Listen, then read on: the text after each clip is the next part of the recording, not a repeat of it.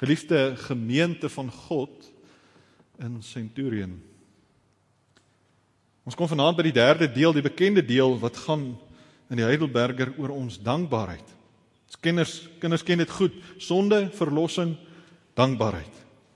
Maar waar waarby ons vanaand wil stil staan is, hoe sien jy dankbaarheid? Of in die woorde van ons tema, hoe sien jy jou dankbaarheid? Dit is 'n belangrike vraag om te vra.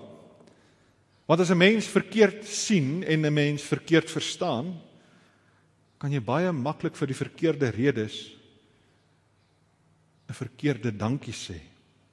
En dit kan 'n geweldige invloed hê in 'n mens se lewe. Ons sien dit veral met ons kinders.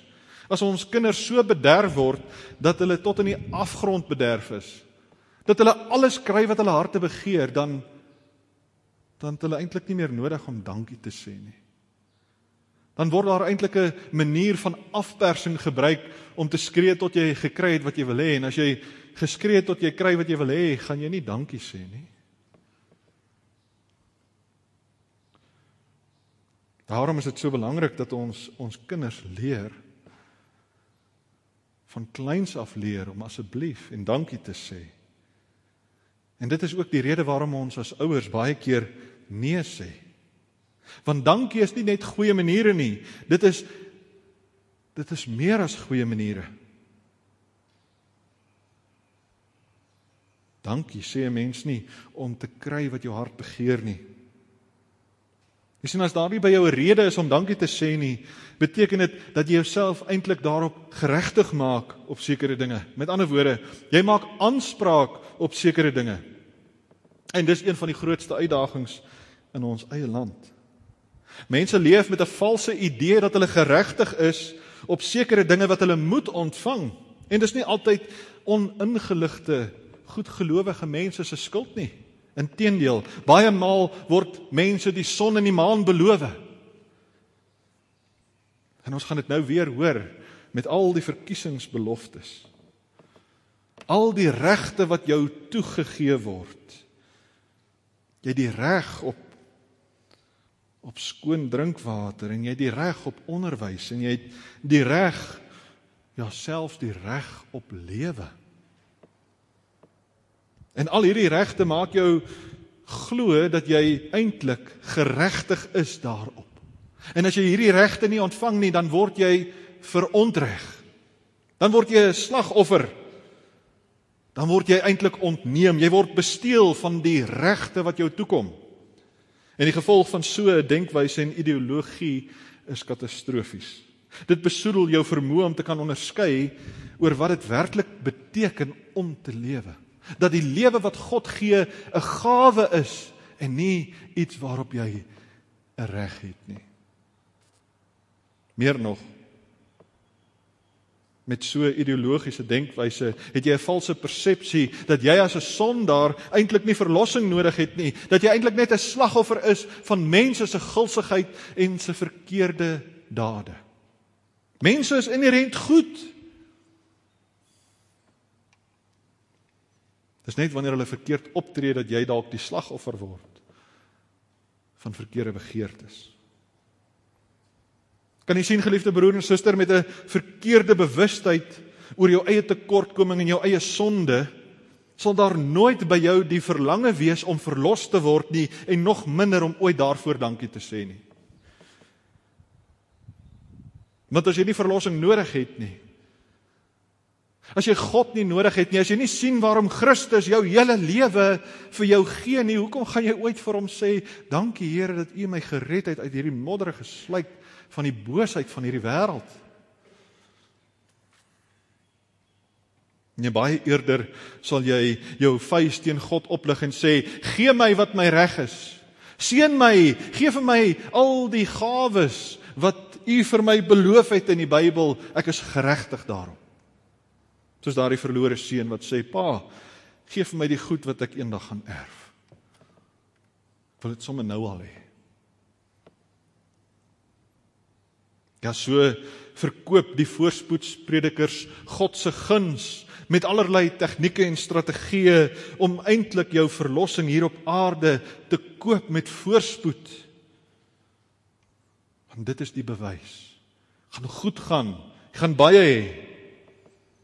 Besef jy tog broer en suster, die manier waarop jy kyk, hoekom jy vir God dankie moet sê, is die verskil tussen lewe en dood. Dis die verskil tussen verdienste en genade. Tussen God se liefde en jou begeerte. As jy jou die reg toeëien dat God jou sy liefde verskuldig is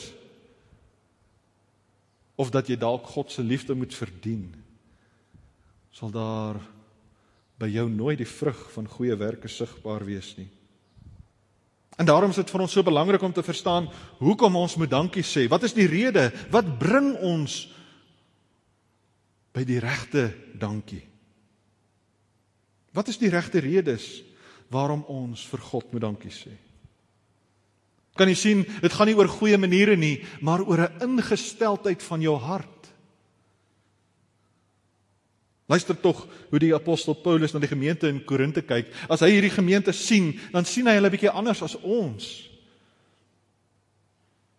Ja meer nog, onder die inspirasie van die Heilige Gees word hy gelei om 'n brief te skryf soos wat God dit aan hulle gee. Hoe sien God hierdie gemeente in Korinte?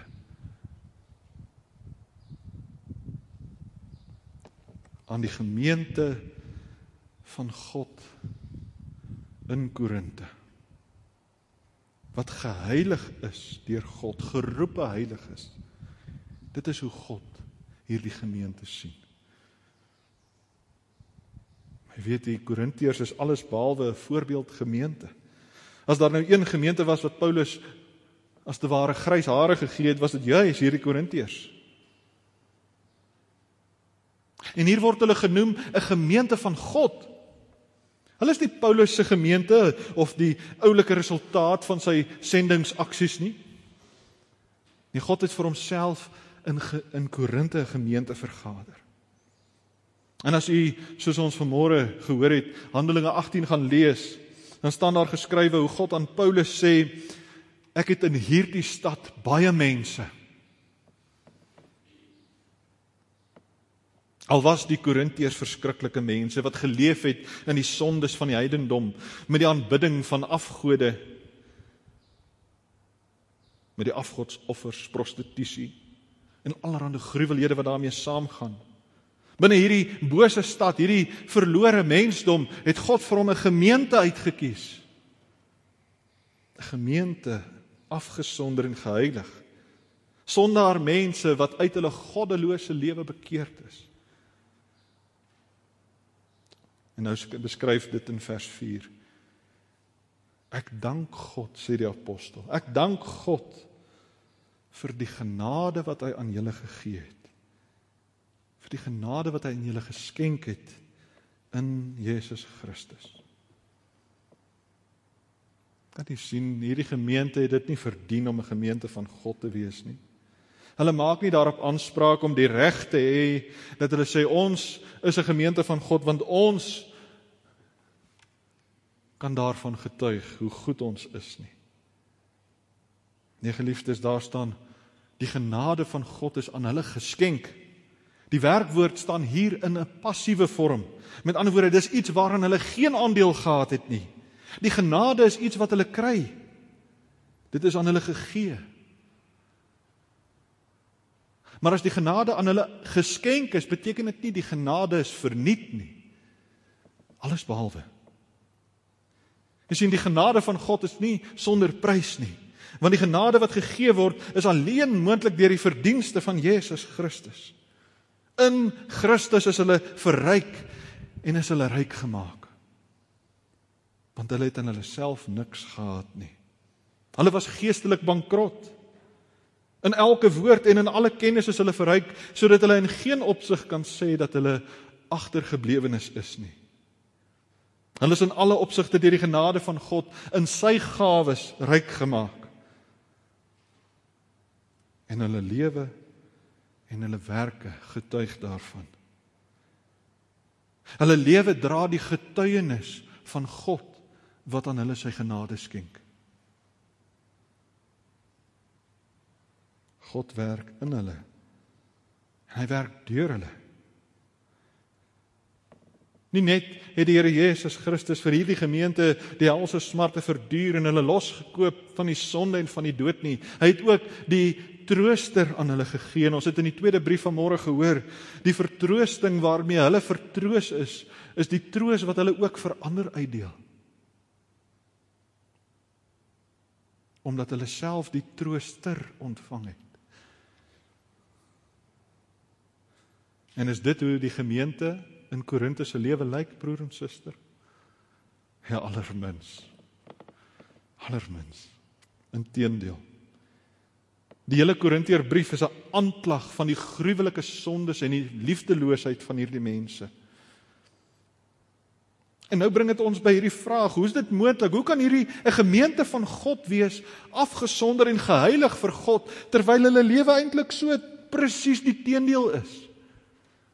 Sondes waarvan daar by die heidene nie eens genoem word nie. Hulle sleep mekaar voor die regbank en hierdie een trou met sy skoonma en spring saam met daai een in die bed. As hulle nagmaal hou, dan is hulle hier een is dronk en die ander een het nie kos nie. Waarlik. As 'n mens hierdie dinge lees, dan dink jy, "Goeieste, wat gaan aan met hierdie mense?" Hoekom is die vrug van hulle geloof sulke vrot vrugte? Jy sien as 'n mens deur jou eie ego verblind word, is daar geen plek vir God nie. As jy dink dat jy jou verlossing verdien, is daar geen plek vir dankie sê nie dan is dit jou verdienste en nie God se genade nie. Jy sien die probleem by Korinte is nie die gebrek aan gawes nie. God gee dit vir hulle. Hy skenk sy genade, hy skenk sy goedheid, hy skenk sy gees aan hulle en die gawes van die gees. En daar's ook nie 'n tekort aan geloof nie.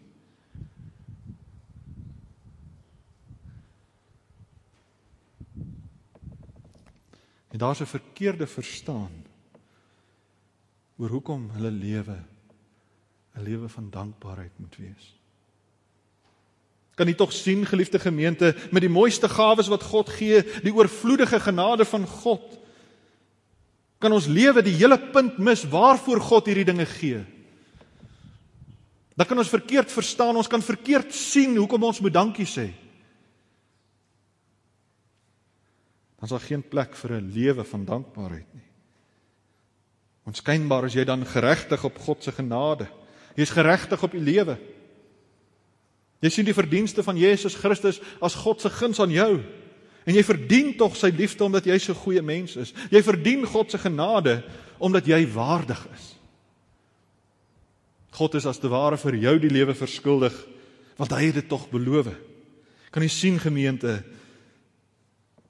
as jou sekerheid en jou dankbaarheid en jouself gesoek word en jy dit in jouself wil vind, dan sal dit altyd bly tekortskiet. Dan sal jy altyd weer in die sonde val, soos 'n dryfsand waarin jy wegsink en nie kan uitklim nie. Maar die standvastigheid, die sekerheid, die bevestiging wat God gee is nie in onsself geleë nie. Dit is in God. En omdat ons in God alleen die sekerheid het van die genade en die verlossing wat hy gee, dat hy ons uit hierdie doodstoestand uitred, en ons lewend maak dat hy ons soos 'n vuur ingryp in die hout uitpluk. Ek kan ons sê Here dankie. Dankie dat U my soos 'n brandende hout uit die hel se smarte vir bevry het. Dankie dat U my geblus het van al my seer en my in my hartseer en my verskrikking en en al my vrese van hierdie lewe. Dankie dat U my weer heel maak. Dat U my weer 'n plek gee, 'n identiteit.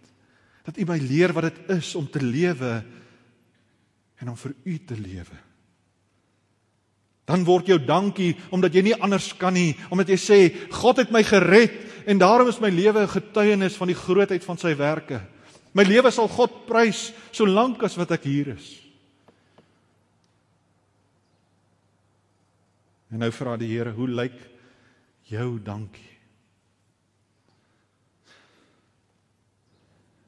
Hoe lyk jou dankie vir God se verlossing? Die Here sê dankie is nie woorde nie. Dankie is dade. As jy vir God wil dankie sê, dan moet jy iets doen. Ons dankie is die goeie werke wat ons doen waardeur ons God verheerlik. In Matteus 5 beskryf die Here dit so: Laat julle lig so skyn aan die mense sodat hulle julle goeie werke kan sien en God kan verheerlik. Ons doen goeie werke nie omdat ons goeie mense is nie broer en suster, maar omdat God ons nuut gemaak het. En as God jou nuut gemaak het, is jy 'n nuwe skepping.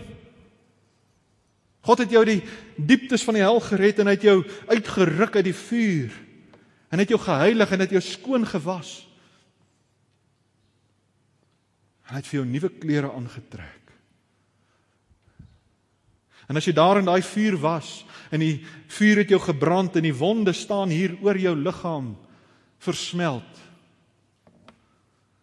dan verander dit jou hele wese. Die wonde word gesond, maar die die merke sit nog daar.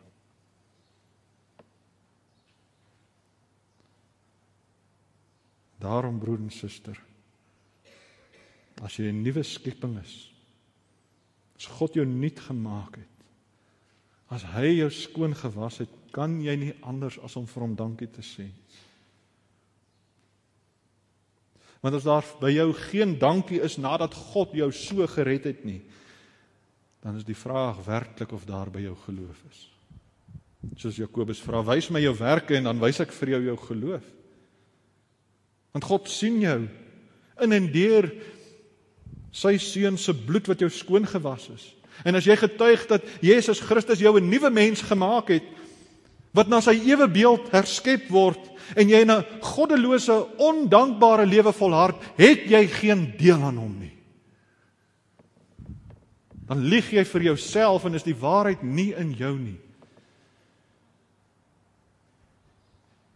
En jy weet hoe mense ontsteld kan word as jy 'n bedelaar hier langs die straat aanbetref en vir jou vertel hoe honger is, is hy.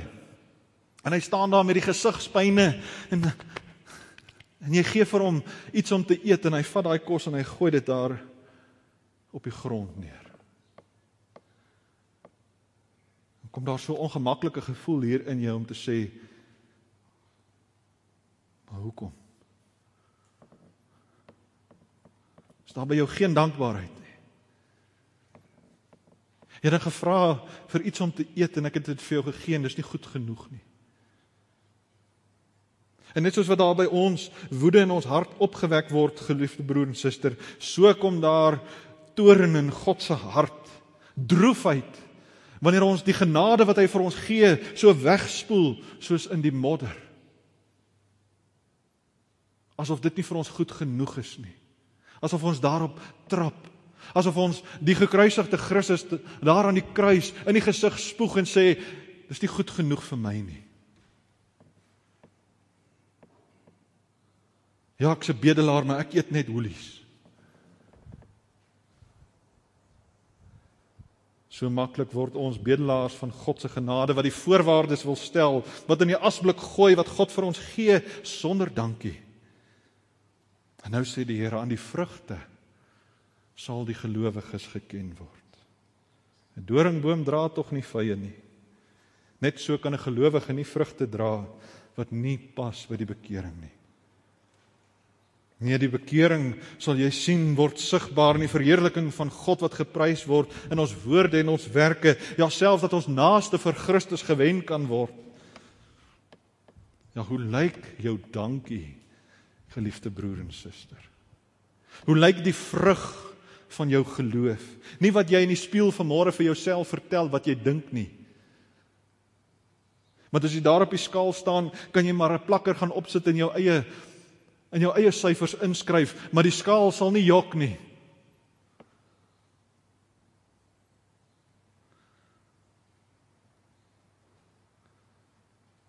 Hoe lyk jou dankie? Sien jy op die regte manier om dankie te sê vir God se verlossing. Verstaan tog dat jy aan God behoort en nie aan jouself nie.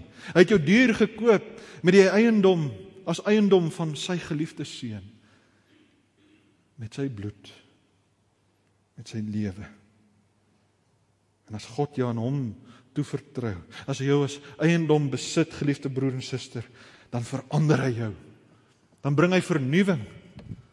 Hy vernuwe jou denke sodat jy anders verstaan wat jy is, 'n nuwe skepping wat sal leef tot eer en verheerliking van sy naam. Ja, kyk. Die dag van die Here Jesus is naby. Hy's getrou om sy beloftes te vervul deur wie ons geroep is tot die heerlikheid en die gemeenskap, die koinonia met sy seun Jesus Christus. Kom dan in die nagmaal en kom eet hom en kom drink hom. Kom deel in die gemeenskap van sy liefde. Amen.